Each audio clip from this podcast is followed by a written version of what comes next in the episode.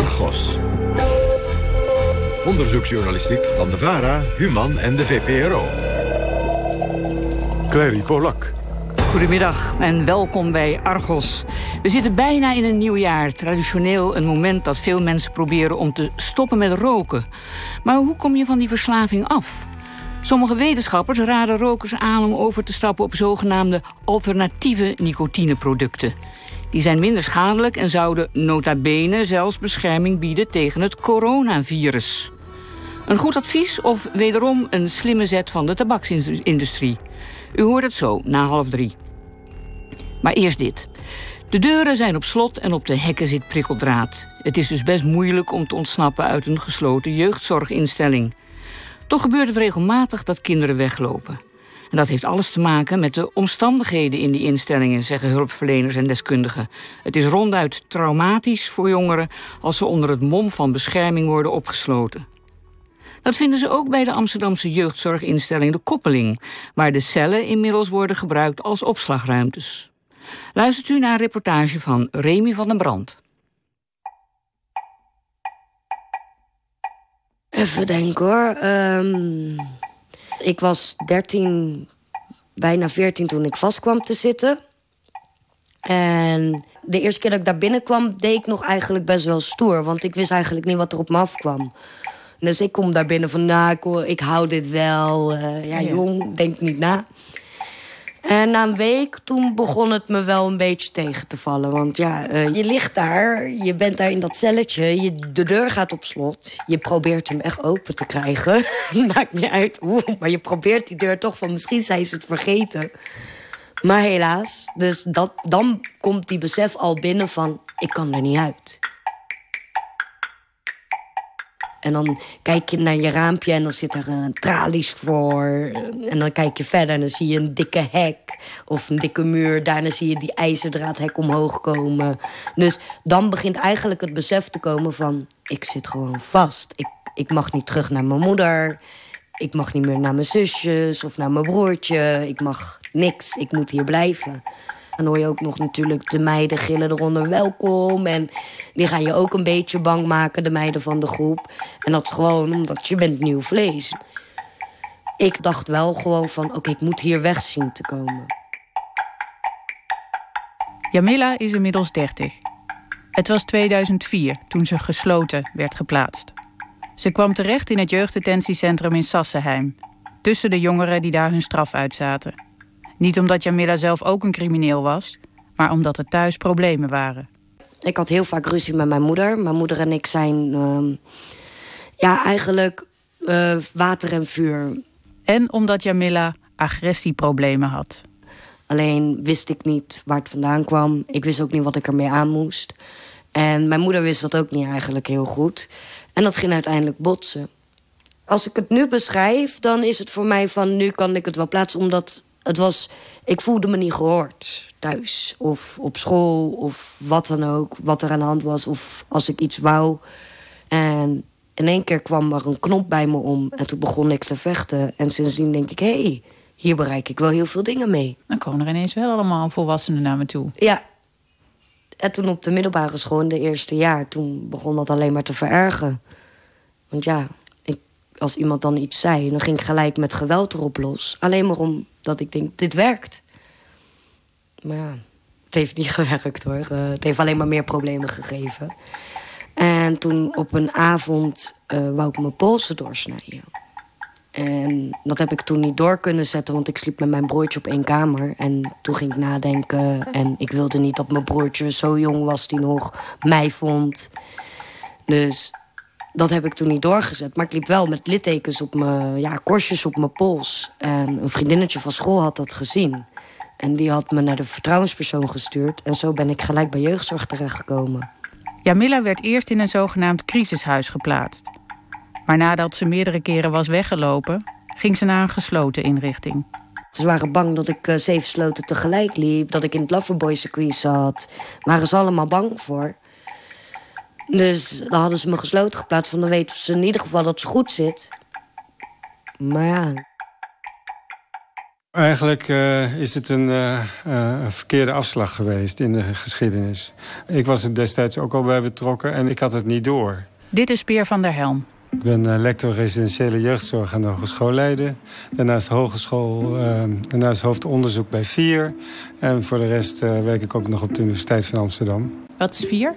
VIER is het landelijk centrum voor meisjes die slachtoffer zijn van seksueel geweld en loverboys.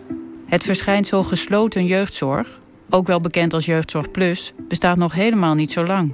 In de eerste plaats uh, moet je bedenken dat vroeger kinderen uh, die niet thuis konden wonen... die gingen naar weeshuizen of uh, naar jeugdinstellingen. En dan heb ik het over voor de jaren tachtig. Dat waren allemaal open instellingen in principe. Dan werden die kinderen ook wel eens door de nonnen in, een, uh, in het kolenhok uh, opgesloten. Dus het verleden was uh, niet altijd even... was niet beter? Was niet, nou, ik wil niet zeggen dat het niet... Kijk, in ieder geval was het zo dat ze niet opgesloten werden. Hun kamer ging s'nachts niet op slot. En dat is iets wat heel veel kinderen mij vertellen. Als heel traumatiserend, elke keer weer naar je kamer te moeten... en dat die deur op slot gaat. De oorsprong van die gesloten kamerdeuren ligt volgens Speer in de jaren 90. Je moet je bedenken dat zo rond uh, zo eind, halverwege de jaren 90 zie je in Nederland de welvaart stijgen. Je ziet uh, mensen gaan zich veiliger voelen, maar daardoor hebben ze ook minder tolerantie voor afwijkend gedrag. En dan zie je dus dat kinderen die uh, behandeling nodig hebben in een open instelling die lopen soms weg of die veroorzaken overlast. En in, in die tijd werd men daar steeds minder tolerant uh, over.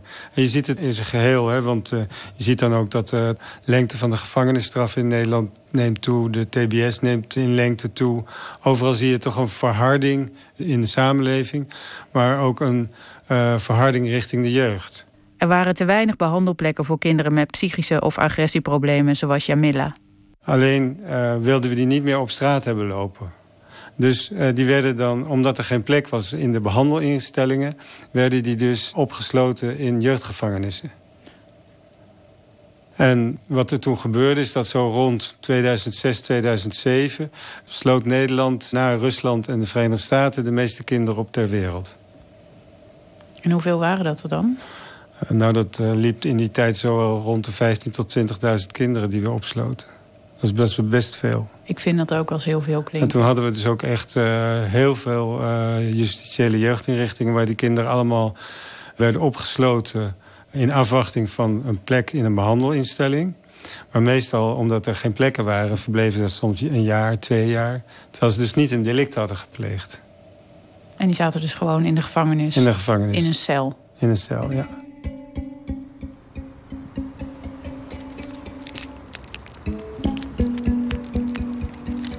Goed, en dan gaan we nu uh, dus naar, de, naar de, de oude jeugdgevangenis, zeg maar. Ja, van buiten wit met rode en blauwe tegeltjes. Het ja. heeft nog iets gezelligs. Ja, dus dit is een beetje het buitenplein. Het ziet er ook wel heel... Het is ook niet echt een lekker zonnetje of zo erbij. Het ziet er nu ook wel een beetje... Nee, ja. Hmm, nou ja. Te weinig groen bij de koppeling. Precies. Dat mag er wel wat meer komen, hè? En een kruifkoord hebben we volgens mij nu twee jaar. Dus daar zijn we wel heel erg blij mee dat hij gekomen is. Nou ja, ja, je ziet natuurlijk wel, we hebben hier natuurlijk wel allemaal nog een beetje prikkeldraad daar. Dat, dat zie je wel. Het is wel echt wat dat betreft gesloten als je hier staat. Ja, daar zijn ook van die boven de deur zijn hekken met van die en dan zo'n stang met van die punten eraan ook. Ja, ja dat, dat je, je er denkt, niet overheen kan klimmen. Ja, alles kan natuurlijk, maar je komt er Precies, niet, niet zonder, makkelijk. niet zonder kleerscheuren vanaf. Precies. Sanne Kleven is hoofdbehandelaar bij de Koppeling, een gesloten jeugdzorginstelling in Amsterdam. Het bijbehorende gebouw bestaat uit twee delen: de oude jeugdgevangenis en een deel nieuwbouw. In de beide delen slapen kinderen in kamers met deuren met kijkraampjes, die s'nachts op slot gaan. Tussen de beide gedeeltes ligt een soort plein, met het kruifkoord. Sannek werkt er sinds de start van de koppeling, in 2008. Ze begon er als sociaal therapeut voor een van de groepen kinderen.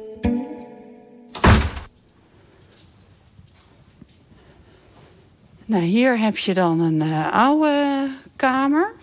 Wat vind jij het grootste verschil? Nou, ik vind vooral die ramen heel heftig. En ik weet nog wel dat het, toen ik zelf op de groep stond, op deze groep... en je kijkt hier dan ook uit op zo'n plein... waar ze dan mochten uitwaaien. Want luchten gebruikten we niet het woord, dus we deden uitwaaien. uh, maar dan sta je zo, stonden ook altijd een beetje zo voor dat raam te kijken naar wie er aan het uitwaaien was. Ja, het is echt een binnenplaats. Ja, het is echt, echt gewoon... En echt ja. inderdaad een oude luchtplaats. Ja, ja. Waar je nog meer van die smalle raampjes aan de overkant en de zijkanten ziet. Ja, precies. Dat is ook het enige wat je ziet. Nou, daar word je toch hartstikke depressief van als je hier staat, denk ik dan. En alles zit vast, weet je wel, ook zoiets. Alles moest, moest goed vastzitten. Ja, alsof je op een schip zit. Het bureau Ja. zit vast aan de vloer en aan de Ja. wand. Ja, Kasten ook. ja. Ja, en dan een hele, hele zo'n gang, weet je wel. Echt zo'n gang met alle deuren. Vier, vier kamers aan de rechterkant en vier aan de linkerkant. Nou, dan liep je hier door, eh, door de gang en dan sliepen die kinderen hier. Achter dikke deuren met hele ja. kleine raampjes. Ja. Met zo'n rastertje erin. Ja. Van dat, eh, hoe noem je dat? Beveiligd glas? Of... Ja, ja, dat is dan van het speciale glas. Ja, dat.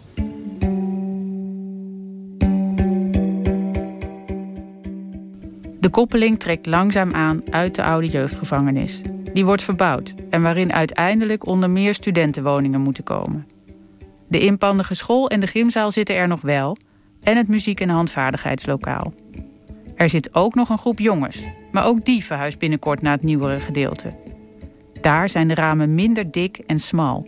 Kinderen kunnen zich vrijer over afdelingen bewegen en de slaapkamerdeuren hebben niet langer die typische klik van de automatische vergrendeling die je hoort als de deur achter je in het slot valt. Ja. dat hoorde je dus vroeger overal. Dus dan loop je hier en dan hoor je ook nog dit zo als jongere. Dan hoor je die begeleider zo met die sleutels. En dan zo'n deur die dat- echt in het slot valt. En dat is ook bij alle slaapkamerdeuren. Nou, die niet zo'n heftig, eh, maar je hoort daar ook wel zachtjes een tik, hoorde je.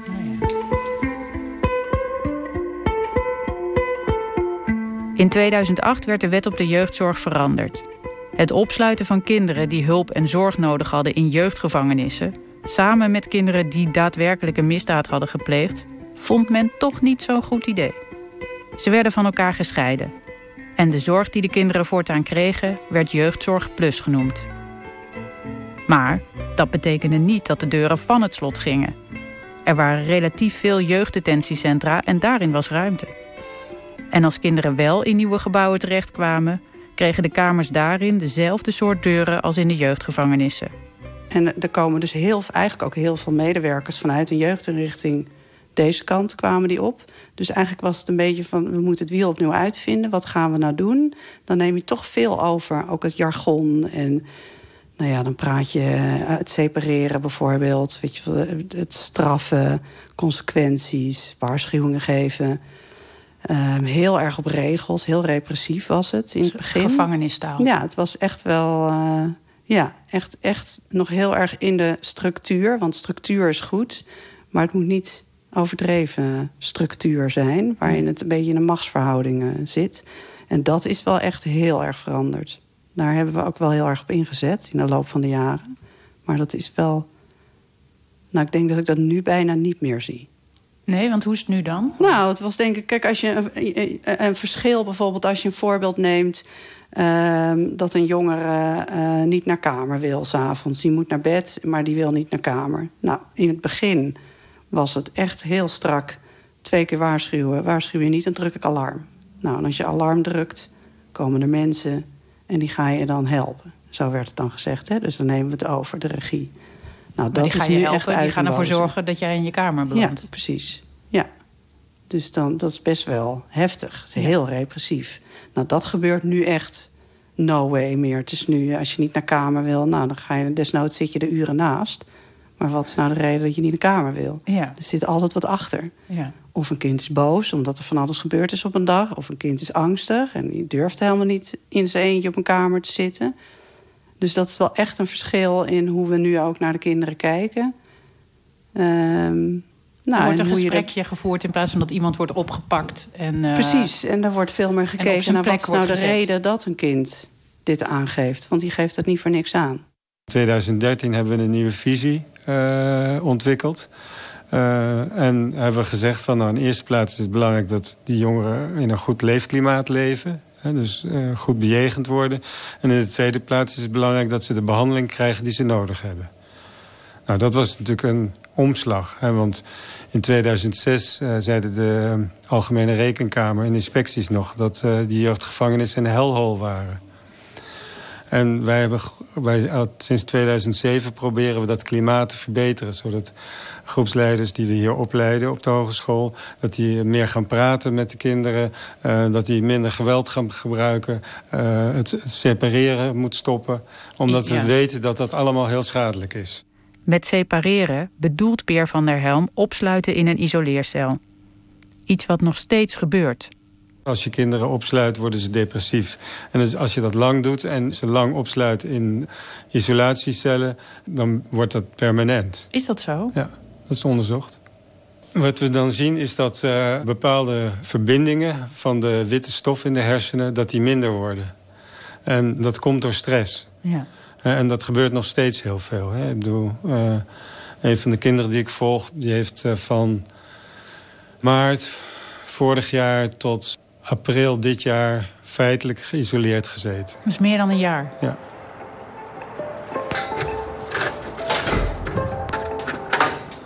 Dan kan ik je een uh, isoleercel nog even laten zien. Ja.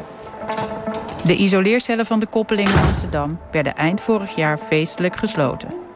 Kijk, en dit zijn dan drie.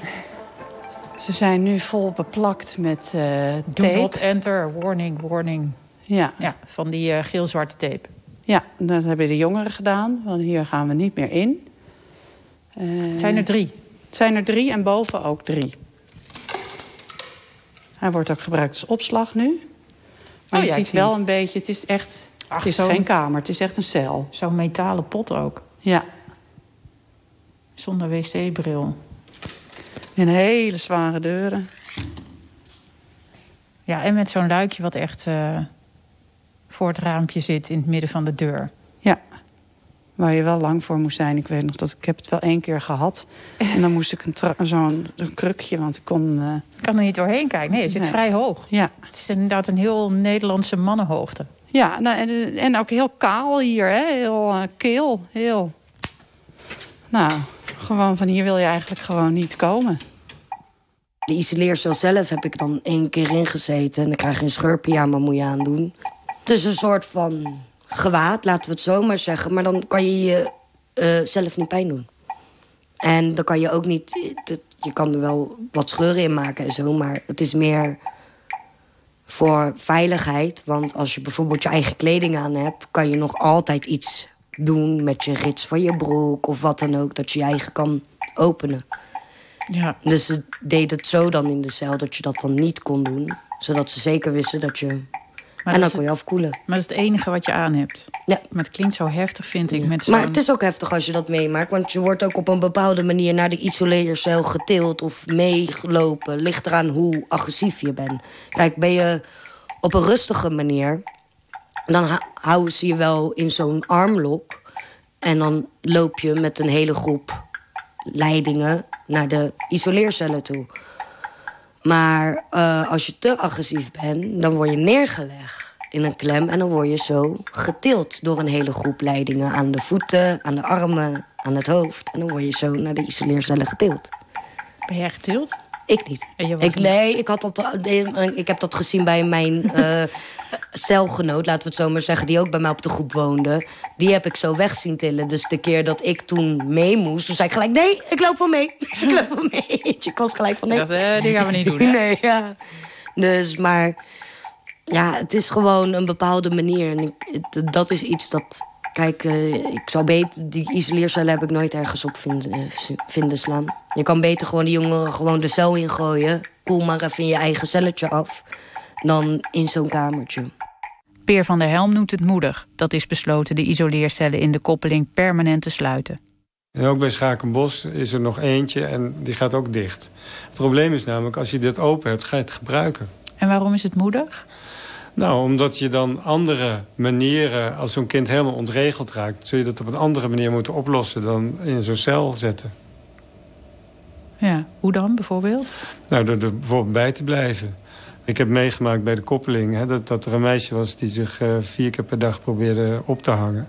En dat betekent dat er continu medewerkers bij moeten blijven... om dat te voorkomen. Dus die medewerkers die liepen ook met speciale mesjes rond... om haar los te kunnen snijden als het weer zover was. Ja. Nou, dat doet een enorme aanslag op medewerkers. Maar ze hebben wel doorgezet. Dus ze hebben haar niet in zo'n isoleercel gestopt. Nou, dat vind ik knap.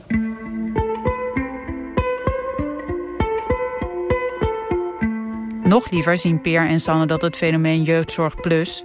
meer specifiek die grote, afgegrendelde instellingen voor jongeren... helemaal verdwijnen. Liever zien ze jongeren bijvoorbeeld in gezinshuizen... met een stuk of vier kinderen en een paar begeleiders. Bij voorkeur in de wijk waar de kinderen vandaan komen. We zien uh, in het onderzoek zien we eigenlijk dat in de geslotenheid zien we erg veel nadelen. En die nadelen die, uh, zijn zo groot, hè, zoals bijvoorbeeld die depressiviteit... Uh, het separeren, het isoleren, vastpakken. Het zijn allemaal dingen waarvan we eigenlijk wel weten... dat dat de relatie tussen hulpverlener en jongeren heel erg onder druk zet. Dus vandaar dat we dus zeggen van die grote instellingen die we vroeger bouwden... Uh, die zijn uit het oogpunt van het klimaat eigenlijk passé. Maar dat is nog niet overal in Nederland doorgedrongen. Maar bijvoorbeeld in de regio uh, Zuidwest, dat is Rotterdam en Den Haag... willen ze de komende jaren willen ze alle gesloten bedden afbouwen. En ook uh, uh, in andere regio's denken gemeenten eraan... om die gesloten capaciteit drastisch te verlagen. En in plaats daarvan een beetje uh, huiselijke voorzieningen te maken... waar die kinderen eigenlijk normaal opgroeien. En dat is ook het uh, regeringsbeleid zo thuis als mogelijk. Het is gewoon hartstikke heftig om als, nou ja, als 16-jarige thuis weg te moeten... en in een gesloten instelling te zitten waar de deuren dicht zijn... waar je niet naar buiten kan, waar je alles moet overleggen. Elk dingetje wat je doet wordt gezien staan altijd groepsleiders die staan mee te kijken bij wat je doet. Ja, dat is super heftig. Kijk, ik ben uh, uh, zelf nu ook betrokken bij Radicaal Stoppen. Radicaal Stoppen met Dwang en Drang. Waarin ik samen met Jeugdbescherming Amsterdam... met twee gedragswetenschappers... Uh, heel erg kritisch kijk naar de, naar de aanmeldingen van, voor de koppeling. Dus hey, kan dit nog anders?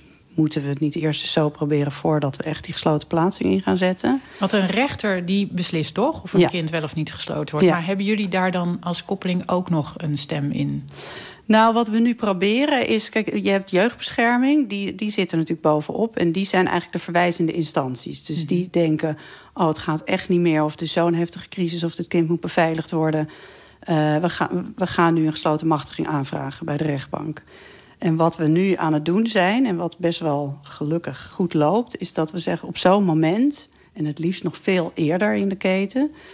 Uh, maar op het moment dat, dat er dus zoveel onmacht wordt ervaren... want daar gaat het eigenlijk om bij hulpverlening... Uh, betrek ons er dan bij en vraag ons erbij om eens mee te kijken... om eens te denken, hey, kunnen we nog andere dingen verzinnen... voordat we het kind echt hier gaan plaatsen. Ja, je probeert jezelf werkloos te maken, ja, begrijp ik. Ja, precies. We ja. willen eigenlijk onszelf... Uh, is dan misbaar? Misbaar maken. Ja. ja, misbaar maken. Ja. Of anders inzetbaar. Nou ja, precies. We willen, we willen eigenlijk afbouwen en ombouwen, zo, zo noemen we het. We willen eigenlijk binnen Amsterdam, regio Amsterdam, geen enkel kind meer gesloten. Dat is de ambitie. Maar we willen de kinderen waar het echt wel voor nodig is, willen we andere en passendere zorg bieden. Wanneer denk je dat je werkloos bent? Ik denk dat ik nooit werkloos zal zijn. Maar wel in de, hoop wel in de geslotenheid, laat ik het zo zeggen. Ja. Um, kijk, mijn ideaalbeeld is dat we... Um, want ik, ik vrees dat we altijd wel een vorm van vrijheidsbenemende maatregelen nodig hebben... bij een aantal kinderen, niet bij heel veel kinderen. Niet zo in de grootschaligheid zoals het nu is. Maar mijn ideaalbeeld is wel dat we het veel meer um, nou, kleinschaliger doen. Dus geen instelling. We hebben ook een kleinschalige groep in Amsterdam Zuidoost, KSG Huntem. Daar zitten vier jongens. is dat een huis? Moet ik me dat voorstellen als gewoon een huis waarin iedereen een eigen kamer heeft? Ja, ja dat is echt, echt gewoon een huis, een rijtjeshuis in een woonwijk uh, hierachter. En daar wonen nu vier jongens. En die hebben met groepsleiders, zeg maar. Je ziet dus dat een aantal uh, ontwikkelingen. Op wetgevingsgebied uh, gaan we er naartoe. En ik verwacht dat dat in maart naar de Raad van State gaat voor advies... is om niet meer te gaan uh, isoleren in die isoleercellen. Dus die worden afgeschaft. Ja. En dan de volgende stap is, is dat we die instellingen gaan sluiten. Dus just jeugdzorg is dicht, Poortje gaat dicht. En zo zijn er een aantal grote gesloten jeugdzorginstellingen... die aan het sluiten zijn. En daarvoor komen dus alternatieven als gezinshuizen... en kleinschalige voorzieningen in de plaats... Maar liever willen we natuurlijk dat kinderen thuis kunnen blijven wonen. Ja, dus, nog beter. Dus we zijn ook naar methodes aan het kijken van... hoe kunnen we dan zorgen dat het kind thuis blijft wonen. En dan grijp ik weer even terug naar het begin van mijn verhaal... Hè, waar we als samenleving steeds minder afwijkend gedrag tolereren. Op dit moment is het zo dat uh, de Raad voor de Kinderbescherming... en de voogdijinstellingen veel te snel kinderen uit huis plaatsen. En dat we eigenlijk veel te weinig moeite doen om te kijken van... wat, wat is er nou voor nodig dat dit kind thuis kan blijven? Nou, dat zijn hele ingewikkelde discussies. Hè? Want die Raad voor de Kinderbescherming en, en die voogdijinstellingen zeggen... ja, maar we hebben een wettelijke taak om uh, dat kind te beschermen. Dus uh, als het uh, niet goed gaat, dan plaatsen we het kind uit huis. terwijl we dan weten eigenlijk dat door die uithuisplaatsing... de problemen van het kind groter worden. Ja. ja. Nou, dat, dat zijn um, moeilijke discussies. In het verleden was het nog wel, we hebben een kind en we kijken alleen naar het kind. Ja. En oh ja, er zijn nog ouders en daar moeten we iets mee. Zeg maar. een beetje, dat is een beetje oneerbiedig, maar nou ja, zo ging het vaak wel. En nu kijken we eerder eigenlijk van... We roepen ook heel vaak, we zouden eigenlijk het hele gezin op willen nemen. nou, dat wilde ik in de ouders vragen. niet op. Je, ja. In plaats van het kind. Waarom halen we de ouders niet uit huis? In plaats van het kind. Ja, dat kan nog niet. Maar soms zeggen we wel, dat zou misschien ook wel fijn zijn. Als we dat zouden kunnen doen. Om de ouders bij te spijkeren. Ja. Zodra je die tweede klik hoort, je weet gewoon dat je opgegeven bent. Nou, dat komt gewoon in de jongeren heel erg naar binnen. Van, interesseert ze niet meer. We zijn weggestopt.